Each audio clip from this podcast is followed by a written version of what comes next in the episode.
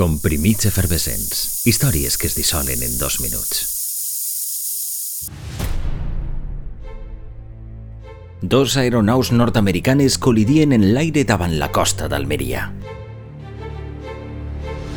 Una d'elles anava carregada amb quatre bombes atòmiques. Moriren set tripulants, però els dispositius nuclears no van fer explosió. Tres mesos després, la maquinària del règim reaccionava amb una posada en escena sorprenent. Un 8 de març es perpetrava l'operació de propaganda més coneguda del desarrollismo, la foto de Palomares.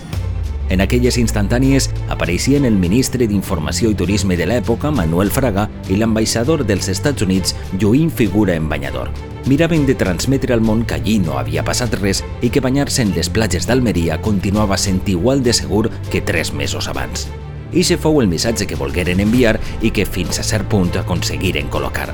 Però el ben cert és que les bombes no només havien afectat la mar, sinó que havien obligat a retirar 1.400 tones de terra. No obstant, la contaminació, segons les últimes anàlisis fetes entre 1998 i 2005, mai no va desaparèixer del tot de la zona.